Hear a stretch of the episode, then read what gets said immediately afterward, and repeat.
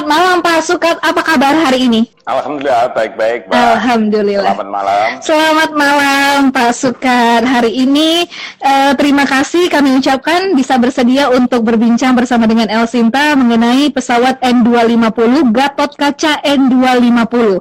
Kami sebelumnya juga ingin mengucapkan selamat ulang tahun dulu untuk PT Dirgantara Indonesia ke-44 tahun ya Pak Sukat ya. Terima kasih. Terima kasih kepada seluruh uh, pengurus kru El Sinta atas ucapannya mudah-mudahan bahwa kemajuan, doa dan sebagainya kepada PTTI sukses membawa industri ini lebih sukses di masa mendatang. Amin. Ada harapan secara khusus untuk PT Dirgantara Indonesia di usia ke-44 tahun, Pak Sekat? Alhamdulillah, harapannya satu. Mm -hmm. Saya selaku direktur direktur Human Capital, uh, semoga mampu menghantarkan alih generasi dan itu sudah dimulai dengan kita punya direktur produksi yang usianya baru 38 mm-hmm. dan akan disusul uh, para pejabat muda-muda milenial akan masuki tapuk uh, pimpinan PDDI di masa mendatang. Oke, okay. ya hari ini kita akan ngobrol-ngobrol uh, seputar Gatot Kaca N250. Semuanya pasti mengenal N250 ini. Kalau kita menyebutnya adalah pesawat pertama kebanggaan Indonesia. Pesawat pertama yang diproduksi Indonesia. Nah ini pasti kita langsung mengetahui ya Gatot Kaca N250. Sedikit cerita mungkin Pak Sukat N250 seperti apa kabarnya sampai dengan hari ini? Alhamdulillah pesawat sudah uh, diasembli kembali uh, di Museum uh, Pusat Dirgantara uh, Mandala hmm. di Yogyakarta. Sudah sampai ya? Dan semua kru malam ini sudah sampai, sudah diinstal, sudah uh, berdiri pada posisinya seperti sebelum uh, dismantling. Jadi wow. sekarang sudah dalam posisinya tinggal nunggu peresmian insya Allah Rabu siang. Oke, okay. jadi di tanggal 26 Agustus 2020 akan diresmikan. Oleh siapa nanti akan diresmikan ya Pak Sukat? Insya Allah eh, mudah-mudahan tidak ada lahan akan ada kita tunggu kehadiran uh, Panglima TNI Bapak Hadi Cah Yanto mm -hmm. uh, beserta tentunya pejabat seluruh pejabat TNI AU, uh, kepala staf angkatan udara, wakil kepala staf angkatan udara mm -hmm. dan tentunya seluruh jajaran di bawah beliau. Oke, okay.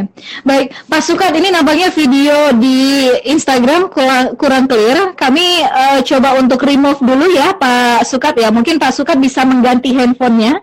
Kita akan coba untuk remove dulu Pak Sukat dari akun Krisna underscore RCB Rindu OJT di PT Dirgantara Indonesia. Wow, ini Rindu PT Dirgantaranya nih. Kemudian ada, oke, okay, sudah tersambung kembali. Ada Pak Sukat Wikanto. Selamat malam kembali Pak Sukat. Tadi terputus ya Pak? Baik Bu. Iya, Pak Sukat sudah tersambung kembali ini suaranya. Baik, Pak Sukat rencananya hari Rabu nanti akan diresmikan oleh siapa tadi? Uh, sebelum terputus Insya Allah, tadi uh, diresmikan oleh Panglima TNI Bapak uh, Marsikal Hadi Cahyanto juga uh, mm -hmm. hadir tentunya uh, Kepala Staf Angkatan Udara juga Wakil Kepala Staf Angkatan Udara dan seluruh jajaran TNI Angkatan Udara dan tentunya juga akan dihadiri para tamu undangan yang uh, diundang oleh uh, TNI AU selaku uh, pemilik museum uh, di Yogyakarta. Oke, okay. baik. Nah ini kalau kita bercerita kembali nih, puluhan tahun tersimpan uh, di hanggar PT Dirgantara Indonesia di Bandung, Jawa Barat ya untuk N250 ini, yang kemudian kini dihibahkan dan dibawa ke Museum Dirgantara Yogyakarta. Seperti apa sih prosesnya, Pak Sukat?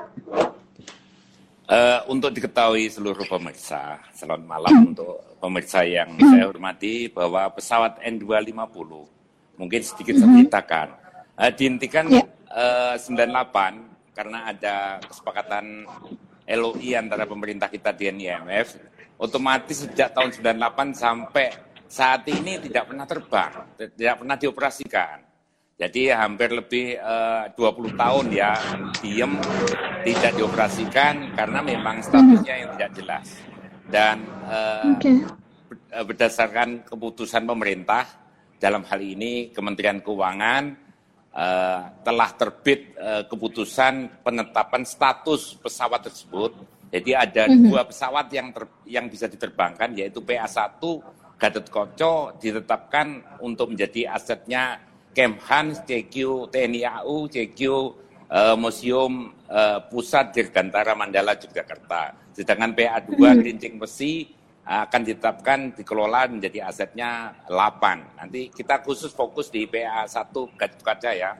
Uh, ini okay. prosesnya sejak tanggal 14 ya, karena KMK-nya terbit uh, tanggal 7, uh, tanggal 7 Agustus, uh, tanggal 13 pesawat kita pindahkan ke hanggar 10 Depo Bandung, uh, Depo Har milik TNI AU, dan mulai tanggal 14 kita re, re uh, re uh, di uh, dirakit, di istilahnya dilepaskan, uh, dismantling lah istilahnya, di dis mm-hmm. Halo Pak Sukat. Oke, terputus kembali tampaknya koneksi kita dengan Pak Sukat Wikanto ya. Ada beberapa pertanyaan melalui Instagram Elsinta. Uh, install. Oke, okay. uh, eh, silakan bisa dilanjutkan kembali. Dan alhamdulillah kemarin sudah selesai. Ya baik bu. Mm-hmm. Prosesnya panjang juga berarti ya Pak Sukat. Berapa lama membutuhkan waktunya? Ini ini prosesnya menurut kami proses yang luar biasa cepat. Kalau hitungan kami idealnya seluruh proses waktu paling cepat satu bulan. Ini mm-hmm. prosesnya hanya kurang lebih 10 hari lah. Kalau dihitung dengan total semuanya sekitar uh, eh, 11 hari. Ini luar biasa karena memang komitmen kerja dari pagi sampai tengah malam dari uh, kru uh, teknisi T, uh, PTDI dan teknisi Depo 10 begitu di uh, Semarang dibantu oleh semua pihak dari Angkatan Udara sehingga prosesnya cepat selesai. Hmm. Tapi benar nggak sih Pak kalau perpindahan dari Bandung ke Yogyakarta ini lewat jalur darat? Kok bisa sih Pak? Uh, Intinya satu, pesawat itu sudah tidak pernah diterbangkan, jadi tidak mungkin diterbangkan. Terus yang kedua, mm-hmm. untuk supaya bisa diangkut, uh, kita lakukan dis, dismantling. Dismantling itu sayapnya dilepas uh, dari bodinya, ekornya dilepas dari bodinya, en, yang paling berat engine. Engine, mm-hmm. propeller dilepas dari bodi sehingga tinggal bodinya saja setelah kita, uh, oleh angkatan udara diinspeksi seluruh jalur karena pesawat itu butuh lebar 4,2 4,2 hmm. meter. Ternyata kemarin sempat ada kejadian uh, pesawatnya masuk di gerbang yang 4,2. Seharusnya nyangkut ya Pak ya di tol ya. Setengah. Iya, yang jadi viral luar biasa karena salah masuk. Masuk yang okay. lebarnya 4,2 terlalu mepet. Jadi harusnya 4,5. Mm -hmm. Juga ada tempat yang ketinggiannya nggak mencukupi. Terpaksa uh, trailernya bannya agak dikurangi, uh, dikempeskan lagi, didorong, jalan lagi, mm -hmm. ditiup lagi, luar biasa. Dan ini seninya, okay. tapi alhamdulillah pesawat utuh tanpa cacat. Wow, luar biasa sekali. Artinya prosesnya ini juga menjadi sebuah memori juga ya artinya untuk Dirgantara Indonesia karena memang melewati uh, jalur darat dan juga perpindahan yang ada kendala tapi prosesnya juga tetap lancar ya. Baik Pak Sukat, sebelum kita lanjutkan kembali Pak Sukat sudah ada pendengar Pak Osmana di Bogor yang bergabung bersama kita. Kita dengarkan dulu ya apa yang ingin disampaikan oleh Pak Osmana. Halo, selamat malam Pak Osmana. Terima kasih. Selamat malam Mbak Zira. Ya, silakan Pak Asmana dengan Pak Sukat Wikanto ya dari ya, PT Dirgantara. Terima kasih Mbak Zira. Selamat malam Pak Sukat. Malam Mbak. Ya, uh, terima kasih Bapak. Mungkin ada beberapa poin dan uh, selamat untuk nanti uh, peresmiannya sama selamat ulang tahun juga untuk PT DI ya. Uh, mau menanyakan sedikit Bapak. Yang pertama uh, kami agak bingung dengan uh, istilah apa tuh Pak yang di uh, canggih di jam di eranya N250 dengan apa wire gitu. Itu boleh nanti disampaikan kepada kami uh, kelebihan wire itu apa sih gitu loh. Ada istilahnya ya uh, Pak Biji Habibie membuatnya. Itu yang pertama. Yang kedua uh, mohon uh, dikoreksi kalau saya salah. Kalau nggak salah masih ada dua lagi yang tipe sejenis.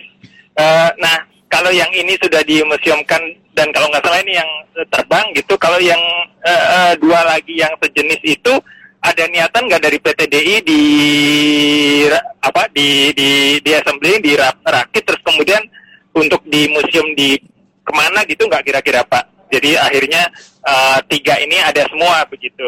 Okay. Dan terakhir pertanyaannya adalah uh, untuk yang berikutnya setelah ini uh, PT DI sekarang lagi buat uh, yang tipe apa Pak? Begitu yang terbaru master base-nya begitu. Oke. Mungkin itu baik. saja dulu sukses. Uh, terima kasih banyak Pak. Amin. Mbak Zira, terima Ya. kasih. Selamat malam. Terima kasih Pak Lesmana di Bogor. Silakan bisa langsung dijawab satu persatu. Ini pertanyaan dari Pak eh, Pak Lesmana, Pak Sukat.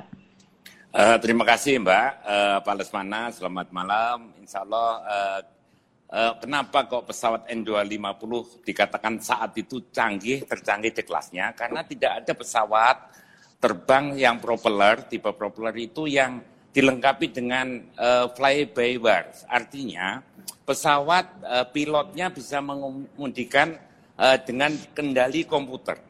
Jadi seperti Bapak Ibu sekalian kalau naik pesawat eh, Airbus atau Boeing itu setelah take off begitu ketinggiannya sudah mencapai eh, 3000 eh, 35.000 kaki eh, dan lain sebagainya eh, dia eh, sistem bekerja ngambil alih sehingga pilotnya tidak lagi eh, ngambil alih kemudi. Eh, N250 saat itu eh, dilengkapi dengan peralatan yang sangat canggih dan saat itu hanya Boeing 737-500 yang dilengkapi eh, fly-by-wire. Artinya bisa terbang setelah pada ketinggian tertentu, eh, tinggian yang stabil, sekitar kalau untuk baling-baling di atas 10.000, tentunya 15.000 dan sebagainya, dia eh, dikendalikan langsung by komputer. Artinya pilot bisa eh, tidak harus full mengendalikan seluruh perjalanan pesawat, semua kendalian perjalanan pesawat diatur oleh komputer. Itu satu. Eh, Dan biasanya kalau ini biasanya pesawat tempur selalu dilengkapi itu. Eh, tapi kalau saat ini untuk yang eh, pesawat jet semua dilengkapi fly-by-wire.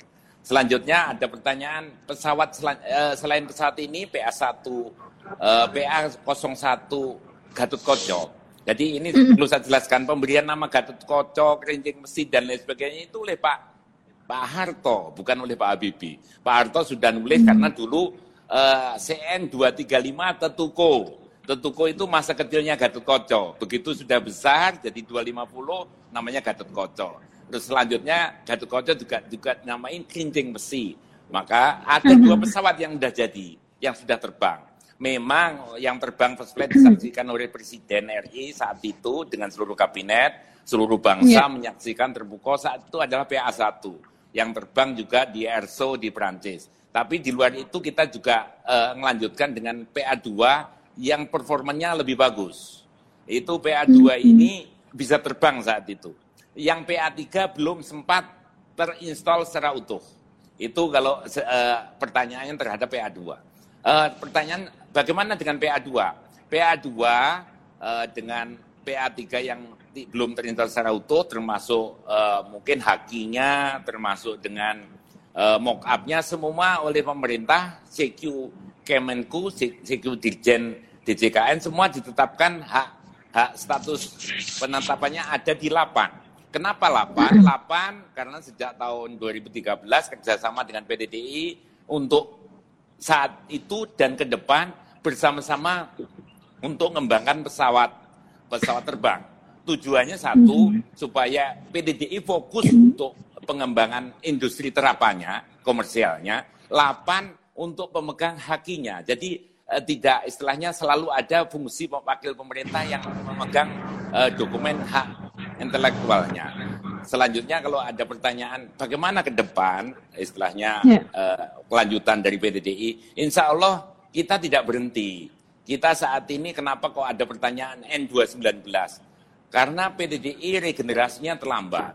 Kita dulu 98 berhenti, tidak ada regenerasi, baru 2011 ada regenerasi. Otomatis untuk ngajarin yang muda-muda kita berangkat lagi dari nol, kita ngembangkan 219, habis ini kita akan konversi 235 menjadi sivil dan dilanjutkan nanti eh, untuk N245. N245 adalah sekelas N250, hanya saja kita tidak bikin yang canggih, tetapi bagaimana nanti bisa beroperasi di Republik ini, menghubungkan antar pulau, harga tiketnya bisa kebeli oleh rakyat. Ha- eh, Dari pelosok ke pelosok harga tiket. Tapi kalau pesawatnya Iya. canggih, harganya mahal, tiketnya mahal. Kita bikin pesawat yang eh, memenuhi syarat secara safety, memenuhi secara regulasi, aman, diterbangkan, nyaman, dinaikin, tetapi harga jual tiketnya bisa dibeli oleh rakyat Indonesia. Itu cita-cita Iya. kami melanjutkan cita-cita Pak Habibie. Ya, gitu, itu Pak. yang utama sebenarnya ya Pak Sukat ya. ya. Baik, Pak Sukat kita terima penelpon lagi ada Pak Agung di Pesanggerahan. Selamat malam Pak Agung. Selamat malam Mbak Dira dan Silakan, Pak, Pak Agung. Yang terhormat, Assalamualaikum. Waalaikumsalam warahmatullahi wabarakatuh. Iya, begini saya ada yang mau ditanyakan ini Pak Sukat ya. Eh, ini kan begini, uh, N250 itu kan dulunya ter ter eh, tergolong uh, pesawat uh, turboprop ya buat komersial yang lumayan canggih ya karena sudah uh, ada sistem fly by wire yang biasanya pada ada pada pesawat tempur dipakainya itu ya. Yeah. Dan itu juga uh, sudah dibuat sempat 70 kursi kalau nggak salah ya santai ya. Iya. Yeah, uh, zaman dulu itu. Iya. Iya. Iya. Lalu ya, pertanyaan saya kenapa tidak tidak dipasangkan saja Pak itu bahkan sayang pesawat bagus dengan teknologi canggih itu pertanyaan saya pertama Baik. dan tapi kenapa malah dimuseumkan uh, dan yang pertanyaan saya kedua uh, ini saya mau tahu Pak kondisi PTD ini saat sekarang ini saat kondisi ekonomi lagi sangat sulit dan ada wabah COVID-19 itu gimana Pak? Uh, masih sehat apa agak goyah gitu Pak? Uh, itu yang kedua. Dan yang ketiga saya mau tanyakan itu kenapa nyangkut di itu Pak? Waktu mau di, dibawa ke museum itu pesawat ya di kolong jalan layang apa apa tuh Pak? Dan kenapa tidak diterbangkan saja Pak? Jadi kan tidak usah nyangkut-nyangkut ke kolong jalan layang itu Pak. Oke. Okay. Assalamualaikum warahmatullahi warahmatullahi wabarakatuh. Pertanyaan yang terakhir mungkin Pak Agung baru bergabung ya. Tadi sudah dijelaskan kenapa nyangkut dan kemudian viral di sosial media. Tapi nanti mungkin bisa diulang secara singkat saja. Silakan Pak Sukat bisa menjawab ini pertanyaan dari Pak Agung di Pesanggerahan. Uh, baik, uh, memang pe, uh, pesawat yang PA1, PA2 uh, kelasnya 70 penumpang benar dan uh, kita akui bersama dari dulu sampai hari ini N250 tercanggih di kelasnya. Namun kenapa kok nggak dilanjutkan? Karena kebijakan tahun 98. Sebetulnya intinya satu, membangun perusahaan atau industri itu bukan mesinnya canggih, bukan peralatannya canggih, tapi human capitalnya yang canggih.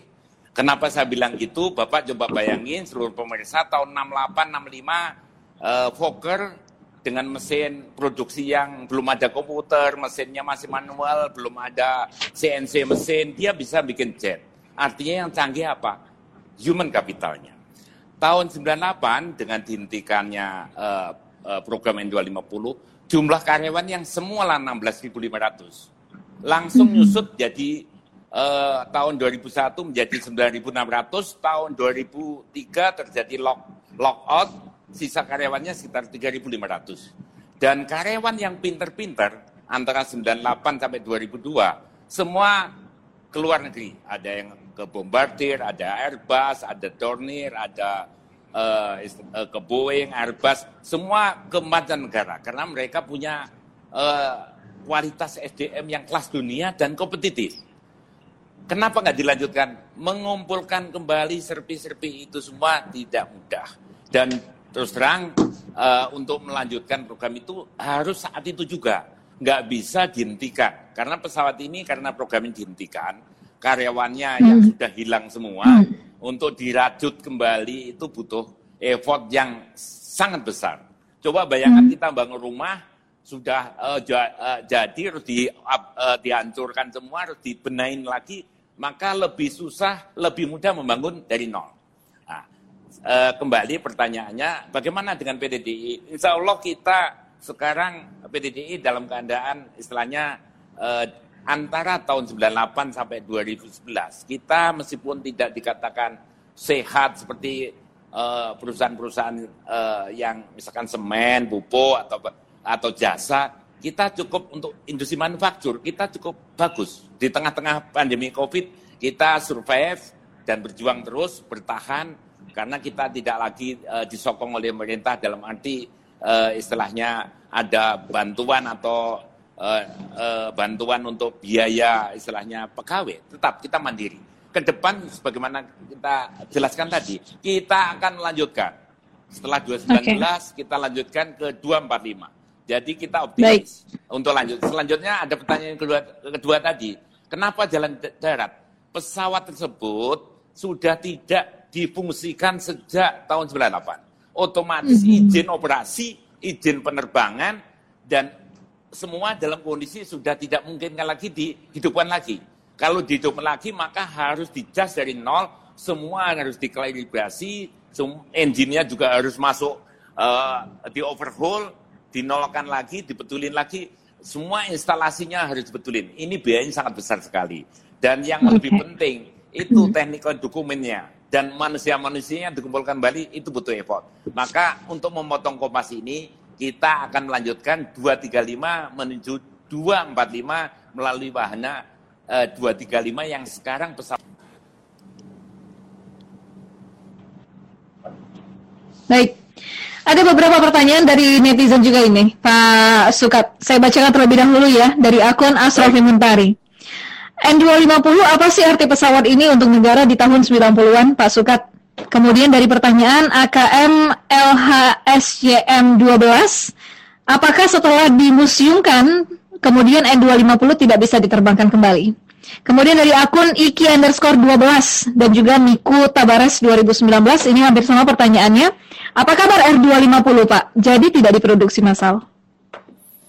Jadi kita tetap pegang teguh putusan. Uh, makasih malam Mbak. Uh, malam permisa, terima kasih pertanyaannya semua. Intinya satu, dengan dihentikannya N250 tahun 98, maka kita tidak bisa serta-merta untuk dihidupkan kembali. Karena banyak hal pemasok yang dulu sudah juga nyiapkan untuk produksi massal, itu banyak vendor yang development untuk ini, semua pihak yang semua terkait, saling terkait. Jadi kita cut off aja, baik mantan karyawan, uh, vendor dan sebagainya itu akan kalau dihidupkan lagi tidak mudah.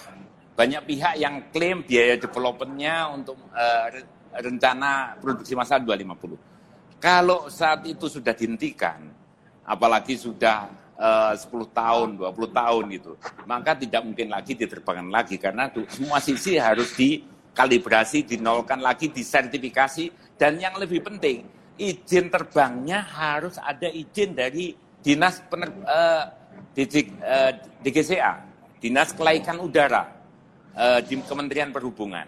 Jadi uh, penerbangan pesawat tidak cukup dengan pesawatnya siap diterbangkan, tapi proses diuji lagi, disertifikasi lagi, baru mendapatkan izin untuk terbang.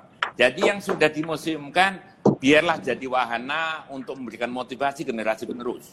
Sedangkan kita tetap akan melanjutkan dengan pesawat versi yang serupa dengan cara pendekatan yang lebih sesuai dengan tuntutan zaman bahwa kita bisnis, kita tidak kita butuh pesawat canggih, tapi harus sesuai dengan kebutuhannya. Artinya kalau memang tiketnya pengen murah, pesawatnya yang penting safety, aman, nyaman. Nggak usah canggih, berarti seperti kayak kita naik mobil. Kalau naik mobilnya ke pasar ya kita naik mobil nggak usah pakai Mercy lah, pakai mobil uh, mungkin yang uh, jenis, jenisnya bisa mobil-mobil yang sederhana. Yang penting keamanan, kelayak, kelayakannya dan kenyamanannya terpenuhi. Itu yang utama. Yeah. Itu uh, itu penjelasan kami, Mbak. Mungkin kalau ada yang yeah. kurang uh, silahkan diingatkan lagi saya. Itu untuk R yang R80 ya, tapi kalau ada yang pertanyaan, sebenarnya apa sih arti pesawat N250 untuk oh, negara iya. di tahun 90-an? Gini, gini, gini. Uh, bahwa kalau penjelasan bahwa pesawat itu kenapa ada istilahnya N itu N itu mengandung arti nama perusahaan Nusantara. Okay. Uh, kalau 252 itu kita punya dua baling-baling. Uh, 50 50 penumpang. Sebelumnya kita punya pesawat uh, CN235. Kenapa CN? Karena waktu pengembangan CN235 itu bersama-sama Kasa Spanyol. Maka C, hmm. C itu Kasa, N adalah Nusantara. Uh, 235 artinya dua engine dalam arti dua propeller atau dua uh, dua baling-baling uh, 35 penumpang. Itu 35 itu angka uh, istilahnya dalam kondisi yang optimal, tapi bisa diisi dengan angka uh, 40. Uh, contohnya 235 kalau ramdornya dihilangkan, maka insya Allah bisa diisi sampai 45 penumpang, seperti kayak itu. Maknanya bahwa bagi kita 250 itu adalah betul-betul pesawat yang pertama kali dibikin oleh bangsa kita yang betul-betul secara mandiri dibangun sendiri, dibikin sendiri oleh bangsa kita. Perkara saat itu kita menggunakan tenaga asing itu biasa. Di industri pesawat terbang di mana pun selalu menggunakan tenaga profesional, itu biasa. Tetapi yang penting ada kemandirian kita membangun, merancang, mendesain konsep desainnya murni dari Pak Habibie.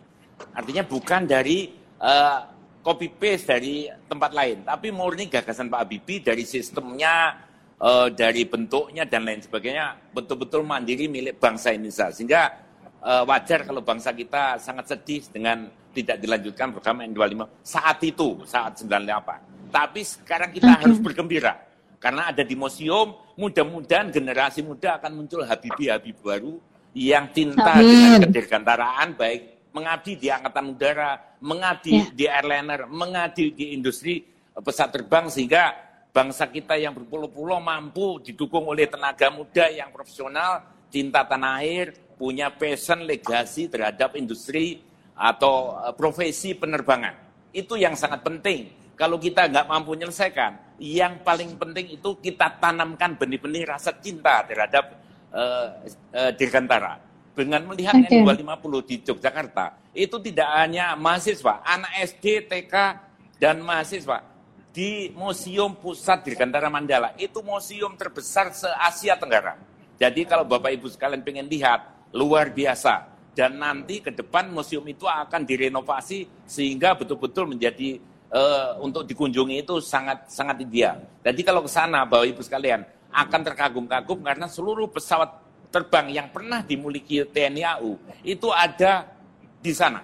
Pesawat tempur, pesawat wow. uh, istilahnya uh, untuk transportasi itu semua ada di sana. Mungkin satu dua helikopter yang uh, sempat yang enggak nggak uh, tersimpan jenis pesawat uh, helikopter yang dulu-dulu dari Rusia itu ada yang jejaknya hmm. nggak hmm. nggak bisa diperoleh. Tapi kita harus bangga punya tempat museum yang dikun, uh, bisa dikunjungi putra putri anak cucu dan uh, pesawat ini akan menjadi ya. selamanya dikenang oleh bangsa kita ada pesawat Gatot Kaca di museum dan uh, tidak akan terusik. Tapi kalau ditaruh di Bandung lama-lama dimakan rayap jadi besi tua, maka kenangan mm -hmm. terhadap BJHPB tidak menciptakan legasi kepada generasi muda. Saya kira itu, Bu. Baik, ini ada juga yang mengenang N250 di masa kecil terbang pertama di tahun 95, fenomenal waktu itu dari Berry Hamzah. Kemudian juga ada yang menyampaikan salam dirgantara terbang mengangkasa dari Muhammad Alza 003. Kemudian dari akun R underscore MAPH, saya ingin bertanya bagaimana peran dari PT Dirgantara Maksud kami peran IPTN North Amerika dalam kerja PT Dirgantara Indonesia keseluruhan dan regenerasinya, mengingat Pak Indra Jaya sudah senior dan perlu anak muda nasionalis lainnya. Kemudian juga ada beberapa tanggapan lainnya ini melalui WhatsApp dari Pak Rusadi di Klaten. Kami berharap untuk jangan berhenti di museum ini saja, tapi kami mengharapkan ini menjadi cambuk kebangkitan Indonesia agar lebih maju lagi, Pak Sukat. Kemudian ada Pak Aam di Bandung. Apa tipe N250 tidak layak untuk diproduksi lagi sehingga dimuseumkan? Ini tadi sudah dijawab oleh Pak Aan ya, ada beberapa pertanyaan melalui telepon juga. Baik, karena waktu kita terbatas sekali, Pak Sukat terakhir mungkin apa yang menjadi harapan untuk uh, dari PT Dirgantara Indonesia Indonesia dan juga masyarakat nantinya ketika N250 sudah diletakkan di Museum Pusat Dirgantara Mandara. Sudah sampai ya, dan nanti setelah diresmikan akan lebih dekat lagi kita untuk melihat pesawat pertama buatan Indonesia, buatan bangsa Indonesia pertama, dan juga ide dari almarhum B.J. Habibie ini.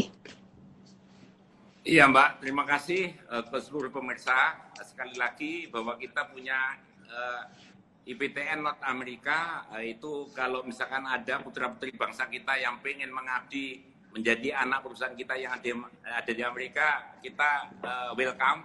Silahkan uh, siapa yang berkenan, saya membuka untuk uh, siapa yang pengen mengabdi bahwa peran daripada INA, insya Allah nanti akan tetap menjadi jembatan. Dulu INA memang menjadi uh, penghubung kita dengan Amerika untuk mengembangkan pesawat kita di uh, diproduksi di Amerika, tapi situasi berubah dan sekarang uh, INA di Amerika menjadi pemasok uh, penghubung untuk kebutuhan-kebutuhan mm -hmm. PDDI saat ini. Dan uh, harapan kami mudah-mudahan dengan kedatangan pesawat kita di museum ini menjadi bermanfaat pada bank generasi muda bangsa dan negara. Mm-hmm. Baik ya kita menjadi harapan kita bersama tentunya ya. Nanti mudah-mudahan uh, setelah diresmikan masyarakat untuk bisa berkunjung ke Museum Pusat Dirgantara Mandala ini menggunakan tiket masuk juga ya berarti Pak Sukat ya. Gimana Mbak? Kurang jelas. Halo Pak Sukat. Iya, nanti kalau misalnya masyarakat ingin melihat N250 Gatot Kaca di Museum Pusat Dirgantara Mandala Yogyakarta, menggunakan tiket masuk juga nantinya? Uh, Bapak Ibu sekalian, bahwa tiket sana uh, otomatis hanya biayanya sangat rendah sekali, hanya untuk mm -hmm. agar istilahnya untuk biasa bi, biaya untuk biaya, biaya pemeliharaan lingkungan. Karena itu juga museum itu milik negara, dalam hal ini dikelola oleh TNI. Jadi uh, tidak sangat komersial sekali. Kalau Bapak Ibu putra putri sekalian ingin lihat CN2 uh, N250 di PTDI tidak mungkin kan, sangat rumit. Tapi kalau hmm. di museum ini sangat terbuka bagi masyarakat umum untuk berkunjung. Setelah diresmikan, okay. masyarakat silakan berbondong-bondong untuk melihat hasil karya bangsa kita. Di museum. Ya, harganya juga terjangkau ya. Mandala, Yogyakarta. Oke, baik. Terima kasih banyak Pak Sukar untuk waktunya berbincang bersama dengan El Sinta dalam program Instalk apa kata mereka hari ini. Nanti mudah-mudahan kita bisa main ke Yogyakarta, langsung menuju ke Museum Pusat Dirgantara Mandala, lihat langsung N250 di sana. Terima kasih ya Pak Sukar, sukses selalu untuk Dirgantara Indonesia dan sehat selalu untuk Pak Sukar. Sampaikan juga salam kami untuk kru di PT Dirgantara Indonesia. Selamat malam Pak Sukar. Assalamualaikum warahmatullahi wabarakatuh.